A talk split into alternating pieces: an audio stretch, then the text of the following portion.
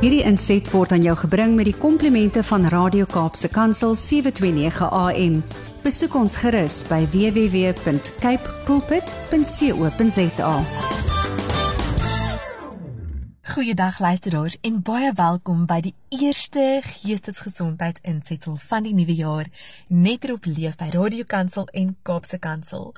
My naam is Gerda Kriel. Ek is 'n kliniese sielkundige van Somerset Wes en dit is vir my so 'n voorreg om saam met jou te kan reis om jou geestesgesondheid beter te verstaan en om dit te help om jou regtig te bemagtig met sielkundige tips en triks om jou lewe vorentoe beter te maak.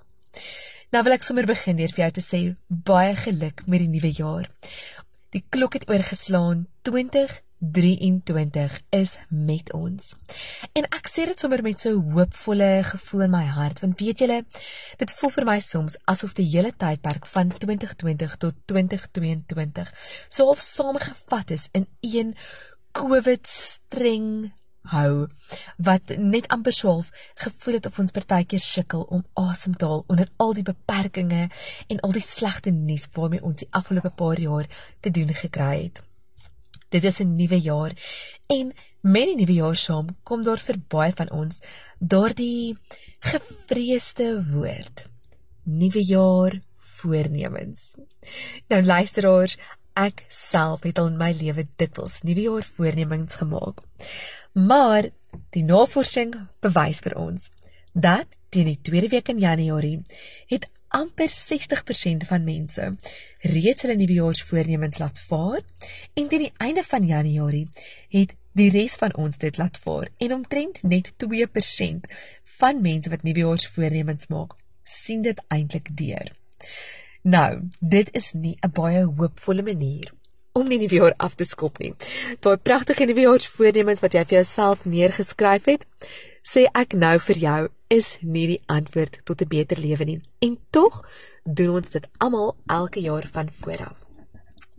Ek het gedink om sommer met julle te gesels vandag daaroor oor wat jy kan doen in plaas van nuwejaarsvoornemens of om jou nuwejaar voornemens of ek noem hulle sommer nuwejaar voorwense want hulle verdwyn so vinnig soos 'n wens in die lug. Maar hoe jy dit kan vat en dit op 'n manier toepas wat eintlik 'n ware verskil in jou lewe gaan maak want dit is tog waarom ons dit maak, nê? Nee?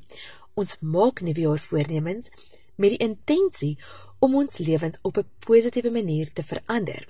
En as jy kyk na wat die goed is wat ons gewoonlik op 'n nuwe jaar voornemens sit, dan is dit goed soos om gewig te verloor of jou gesondheid te verbeter, om 'n nuwe werk te kry, om jouself meer te bemagtig in 'n sekere vaardigheid en so voort.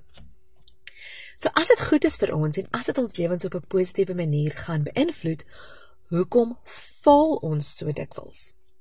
Nou die leidraad vir hierdie antwoord is in die insetsel van verlede week te kry waar ons gepraat het oor um net hoe jy jouself kan beplan vir 2023 en dit is waar die sleutel lê. Intentionele missionele beplanning. Wat ek daarmee bedoel is dat jy moet presies weet hoe jy jou nuwejaarsvoornemens wil bereik. En dit vereis dat jy aksie neem en daardie aksie is wat ons noem gewoontes. Hoe kan jy begin om gewoontes te kweek wat jou op die einde van die dag gaan bevoordeel sodat jy 2023 werklike verandering in jou lewe kan sien? Nou, hier is 'n goeie voorbeeld. Ek gaan die stokou nuwejaar voornemens wat ek dink ons almal aan die einde van die feestyd op ons lysie sit om gewig te verloor. As jy vir jouself sê dat jy gewig wil verloor en dit is jou nuwejaar voorneming, is dit in die eerste plek heeltemal te vaag. Wat bedoel ek daarmee? Om gewig te verloor beteken dat as jy 500 gram verloor, het jy geslaag en as jy 50 kg verloor, het jy ook geslaag. Jy moet intentioneel wees met die spesifieke hoeveelheid gewig jy wil verloor. So, kom ons sê vir jouself jy sê, ek wil teen Junie 2023 5 kg verloor het. Nou sê goed, goed, dit is wat ek wil doen. Dis my visie. Dis die voorneme. Nou moet jy sê, watter gewoontes gaan ek begin beoefen om dit te doen? Nou julle daar is 'n lieflike boek wat jy kan gaan lees oor gewoontes. Die boek se naam is Tiny Habits, geskryf deur BJ Fogg. Dit is nie 'n geestelike boek nie, maar dit is 'n boek wat verduidelik hoe die brein werk wanneer dit kom by gewoontes aankweek en hoe ons gewoontes op ons eie kan aankweek sonder om 'n groot ding daarvan te maak bloot deur klein praktiese daaglikse stappies te neem om 'n gewoonte te kweek. Een van die dinge wat hy sê is um, om 'n gewoonte volhoubaar te maak, moet jy dit koppel aan 'n ander gewoonte wat jy reeds het. Kom ons sê een van jou gewoontes wat jy nou wil kweek om hierdie 5 kg te verloor, is om te sê jy wil meer water drink. Nou, dis ook baie vaag, reg? Hoeveel meer water? Wees spesifiek. Sê jy wil elke dag 2 liter water drink, dis 8 glase. So dan kan jy vir jouself sê 'n gewoonte wat ek gaan aankweek is nadat ek na die badkamer toe gegaan het, gaan ek 'n glas water drink.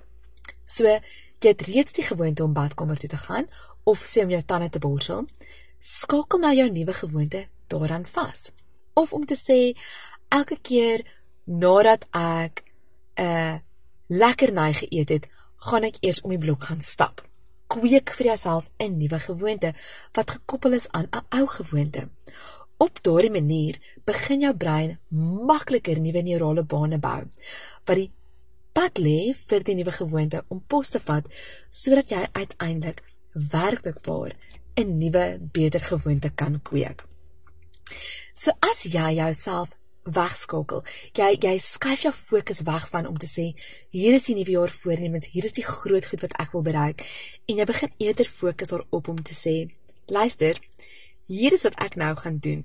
Hier is die praktiese gewoontes wat ek gaan kweek sodat ek my lewe op hierdie en hierdie maniere kan verander, gaan jy waarskynlik baie groter kanse vir sukses bereik. Een van die ander dinge wat BJ Fogg in sy boek sê rondom gewoontes, is dat ons dit so klein moet maak dat dit nie oorweldigend voel nie. Nou as ek vir jou sê, jy moet elke dag 2 liter water drink en jy is glad nie enige gewoonte om enige water te drink nie, gaan dit vir jou moeilik wees.